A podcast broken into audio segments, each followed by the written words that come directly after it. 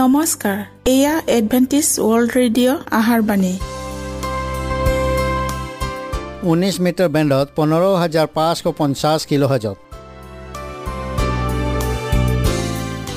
Adventist world radio যোগে অসমীয়া ভাষাত প্ৰচাৰিত আহাৰবাণী প্ৰত্যেক বুধবাৰ আৰু দেওবাৰ সন্ধিয়া সাত বজাত আহাৰবাণী শুনাৰ পিছত আপোনালোকৰ কিবা মন্তব্য আৰু প্ৰশ্ন থাকিলে আমালৈ এই ঠিকনাত লিখক। আমাৰ ঠিকনাটি হৈছে Adventist world radio' seven day Adventist মণ্ডলী অসম শাখা লতাকাটা বশিষ্ট গুৱাহাটী সাত আঠ এক শূন্য দুই ন।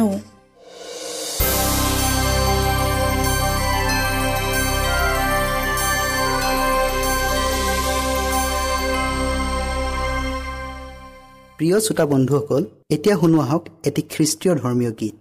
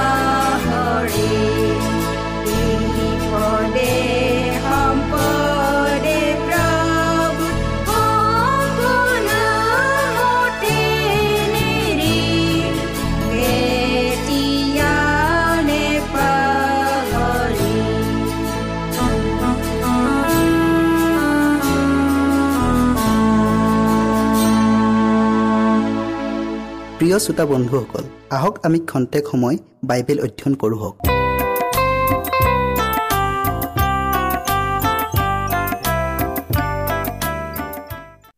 আজি মই ঈশ্বৰ মণ্ডলী বিচাৰি পাব পাৰোঁনে? ইয়াৰ দ্বিতীয় ভাগ শুনক। ক্ৰুচত ছয়তানে পৰাজিত হৈ লুটি খোৱাৰ ক্ৰোধত তেওঁৰ খং যীশুৱে স্থাপন কৰা মণ্ডলীৰ ওপৰত পৰিছিল।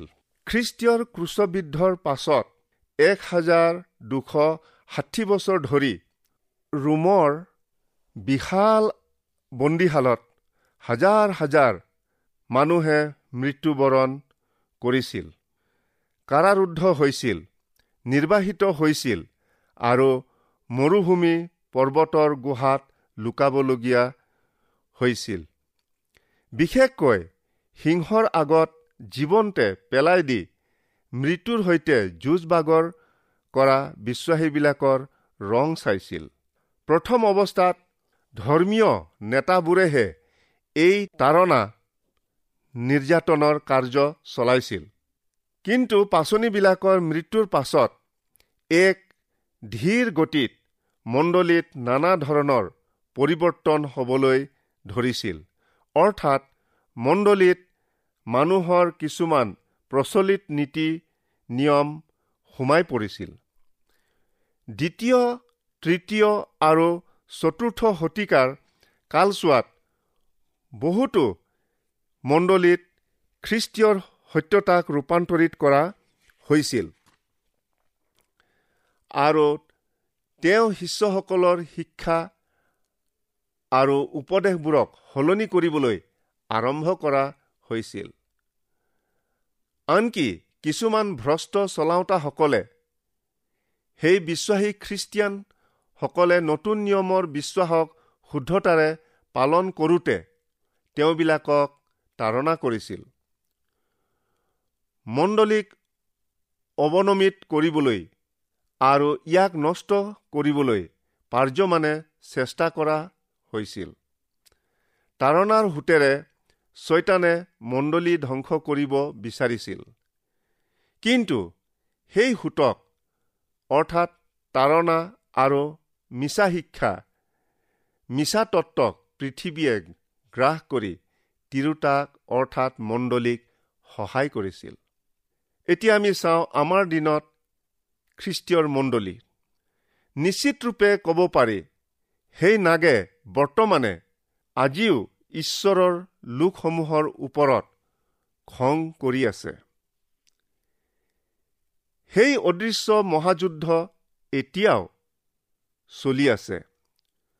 প্ৰকৃতাৰ্থত যীশুৰ দ্বিতীয় আগমনৰ ঠিক আগ মুহূৰ্তত তেওঁৰ মণ্ডলী আক্ৰমণত নিজৰ সৰ্বোচ্চ শক্তি ছয়তানে প্ৰয়োগ কৰিব। তাতে নাগে অৰ্থাৎ ছয়তানে সেই তিৰোতালৈ অৰ্থাৎ মণ্ডলীলৈ খং উঠি তেওঁৰ বংশৰ অৱশিষ্ট লোক অৰ্থাৎ ঈশ্বৰৰ আজ্ঞা পালন কৰা আৰু যীশুৰ সাক্ষ্য ধাৰণ কৰাবিলাকৰ সৈতে যুদ্ধ কৰিবলৈ গ'ল আৰু গৈ সাগৰৰ বালিত থিয় হলগৈ। এই ভাৱবাণী আমাৰ দিনটোলৈকে আঙুলিয়াইছে। ছয়তান ক্ৰোধিত হৈছে। সি তিৰোতাৰ বংশৰ অৱশিষ্ট লোক। ঈশ্বৰৰ বৰ্তমান কালৰ লোকসকলৰ সৈতে যুদ্ধ কৰিবলৈ সাজু হৈ আছে।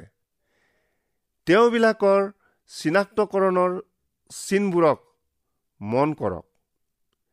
শেষ যুগৰ বিশ্বাসীবোৰে যীশুৰ সাক্ষ্য ধাৰণ কৰিব। ঈশ্বৰৰ বাক্যৰ প্ৰকৃত শুদ্ধ তত্ত্বসমূহত তেওঁবিলাকে বিশ্বস্ততাৰে লাগি থাকিব। তেওঁবিলাকে গতিশীল খ্ৰীষ্টিয়ান চৰিত্ৰযুক্ত জীৱন নিৰ্বাহ কৰাৰ দ্বাৰাই খ্ৰীষ্টক প্ৰকাশ কৰিব। এই যুগৰ খ্ৰীষ্টিয়ানসকল ভাৱবাণী লোক হ'ব। যীশুৰ সাক্ষ্য পাই জোহনে এই প্ৰকাশিত বাক্য পুস্তকখন লিখিবলৈ প্ৰেৰণা পাইছিল। বিশ্বাসীৰ অৱশিষ্ট লোকসমূহেও সেই একেধৰণৰ বৰ পাব।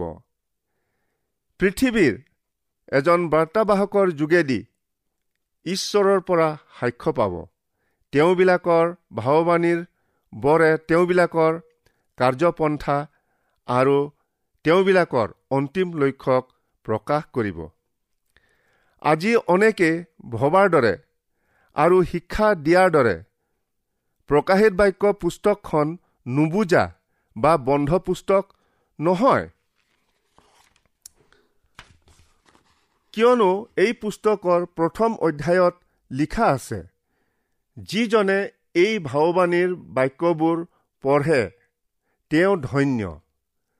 আৰু যিবিলাকে শুনে আৰু ইয়াত লিখা কথাবোৰ পালন কৰে তেওঁবিলাকো ধন্য।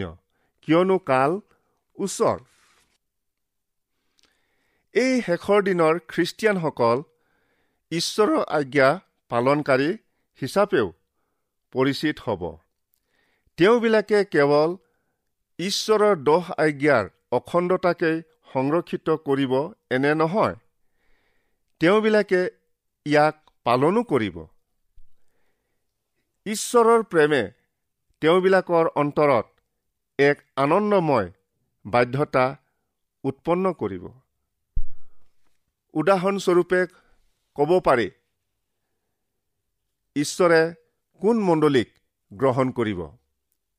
আজিৰ পৰা ভালেমান বছৰৰ আগত কোনো এখন বৰ্বৰ দেশত খ্ৰীষ্টীয়ৰ সুবাৰ্তা বিলাবলৈ এজন মিছনেৰীক পঠোৱা হ'ল। সেই বৰ্বৰ লোকৰ অনেকে খ্ৰীষ্টীয়ৰ সুবাৰ্তা গ্ৰহণ কৰিলে। কিন্তু এদিন মিছনেৰীজন নিজ দেশলৈ উভতি যাব লগা হোৱাত মানুহবিলাকে বৰকৈ কন্দা কটা কৰিলে। কাৰণ মানুহবিলাকে তেওঁক বৰ ভাল পাইছিল। মিছনেৰীজনে অৱশেষত মানুহবিলাকক আশ্বাস দি ক'লে মই গ'লেও আন এজন মিছনেৰী পঠাই দিম। গাঁৱৰ মুখিয়ালজনে সুধিলে এইজনেই আপুনি পঠোৱা বুলি আমি কেনেকৈ জানিম? তাৰ কি চিন হ'ব? মিছনেৰীজনে শিল এটা লৈ মাজতে ভাঙি এডোখৰ মুখিয়ালজনক দি ক'লে আনডোখৰ শিল মই লগত লৈ গৈছো। মোৰ সলনি আহিব লগাজনে এই শিলডোখৰ লৈ আহিলে এৰি থৈ যোৱা শিলডোখৰ লৈ খাপ খাই পৰিছে যদি সেইজনেই মই পঠোৱা মানুহজন বুলি গ্ৰহণ কৰিবা। এদিন এজন মানুহ আহিল। আহি শিলডোখৰ গাঁৱৰ মুখীয়াক দেখুৱালে। মুখীয়াৰ হাতৰ শিলডোখৰ লৈ মিলাই চাওঁতে শিল দুডোখৰ খাপে খাপে বহি গ'ল। তেতিয়া মানুহবিলাকে তেওঁক গ্ৰহণ কৰিলে।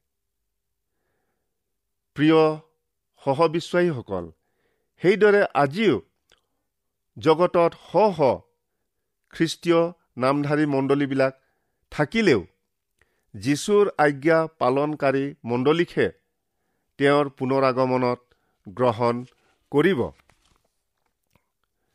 এই শেষৰ দিনৰ খ্ৰীষ্টিয়ানসকলে খ্ৰীষ্টীয়ৰ আদৰ্শক অনুসৰণ কৰে আৰু আদি মণ্ডলী ঈশ্বৰৰ বিধান পালন কৰাৰ দৰে তেওঁবিলাকেও পালন কৰে।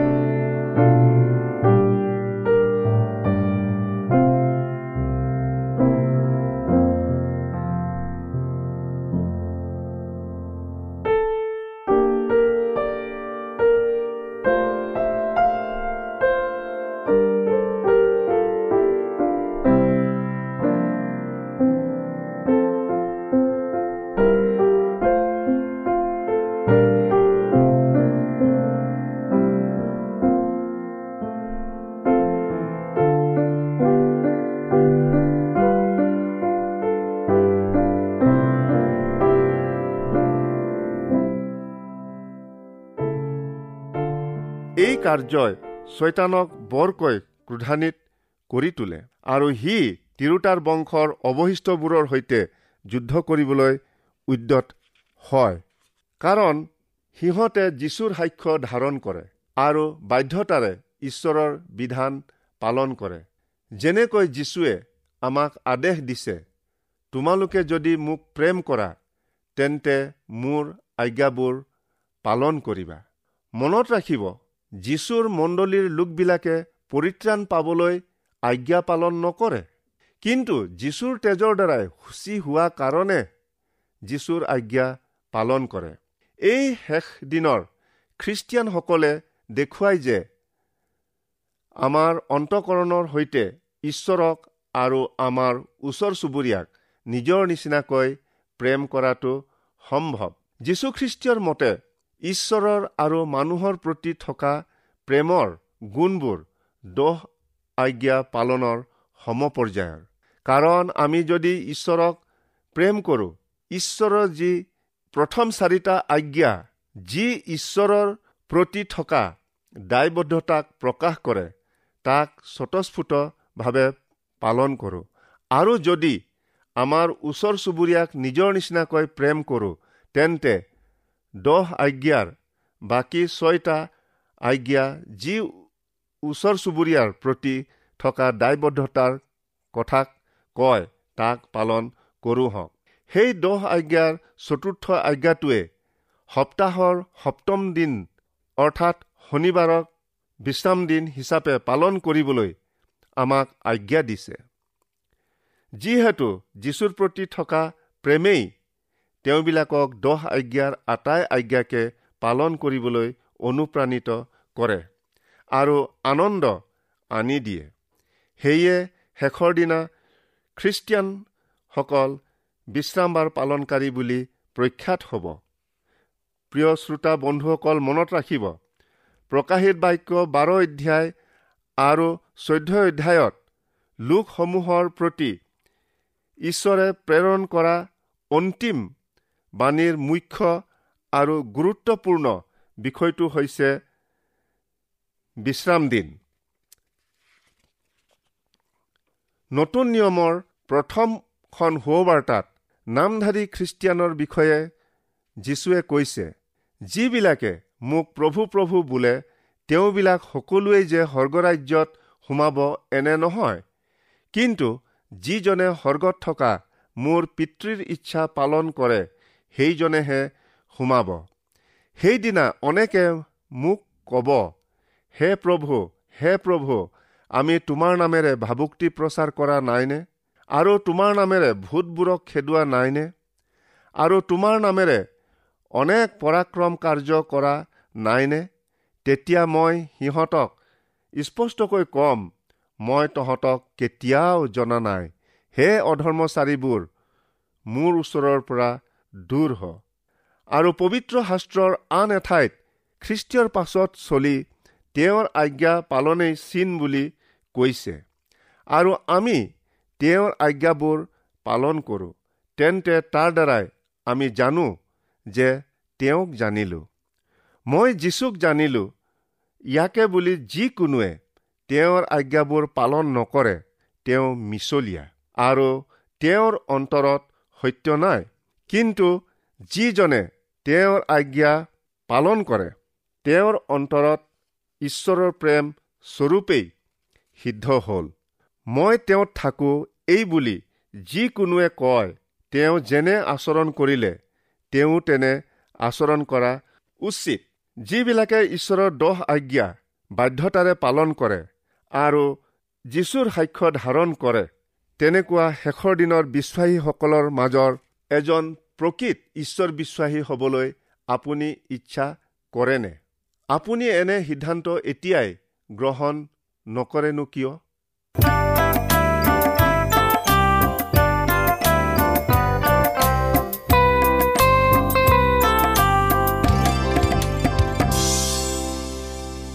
ইমানপৰে আমি বাইবেল অধ্যয়ন কৰিলোঁ। এতিয়া আকৌ শুনো আহক এটি খ্ৰীষ্টীয় ধৰ্মীয় গীত।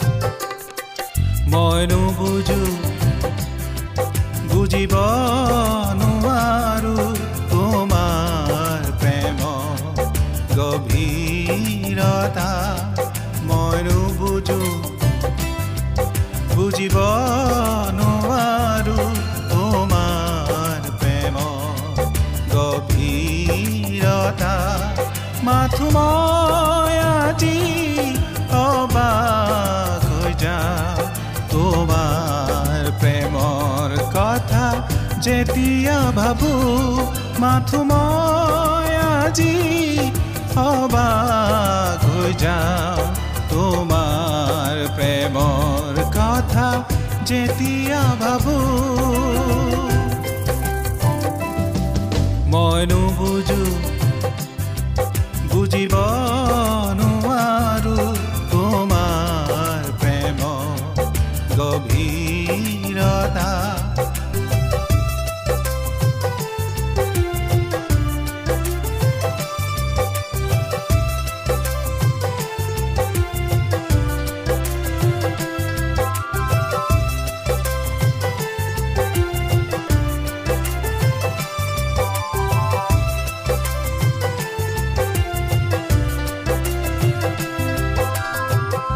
তুমি সহিলা নিষ্ঠুৰ যাতনা ক্ৰুচৰ ওপৰ নিজকে অৰ্পিলা মোৰ পাপৰ বুজা বহন কৰিলা তোমাৰ তেজেৰে মোক উদ্ধাৰিলা তুমিয়ে সহিলা নিষ্ঠুৰ যাতনা ক্ৰুচৰ ওপৰ নিজকে অৰ্পিলা মোৰ পাপৰ বুজা বহন কৰিলা তোমাৰ তেজেৰে মোক উদ্ধাৰিলা ভাষা নাই আজি বুজাবলে যিছু তোমাৰ ত্যাগৰ কথা ভাষা নাই আজি বুজাবলে যিছু তোমাৰ ত্যাগৰ কথা মই নুবুজো বুজিব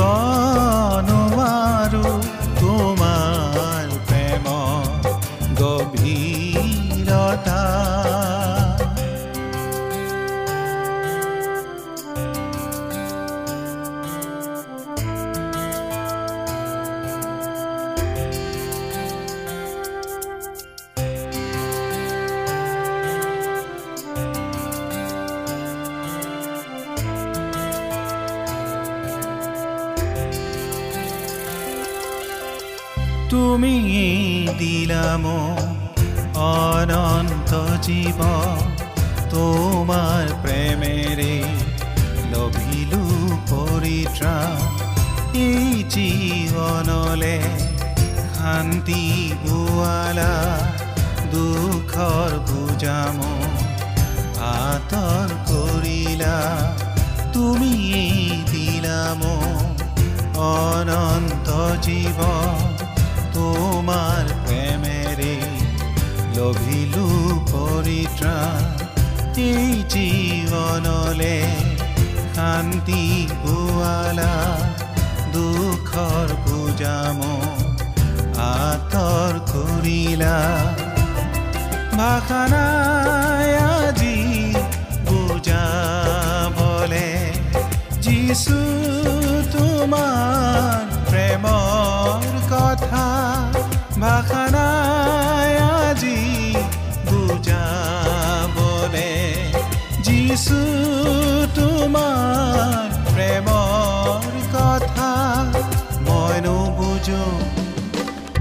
নুবুজো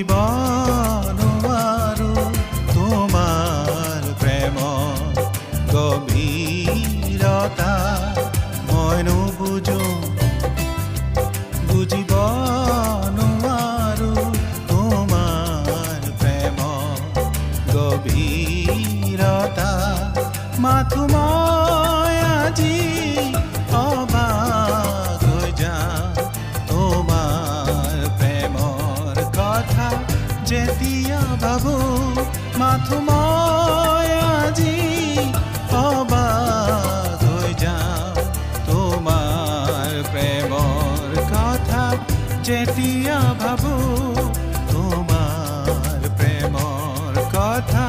যেতিয়া ভাবো তোমাৰ প্ৰেমৰ কথা।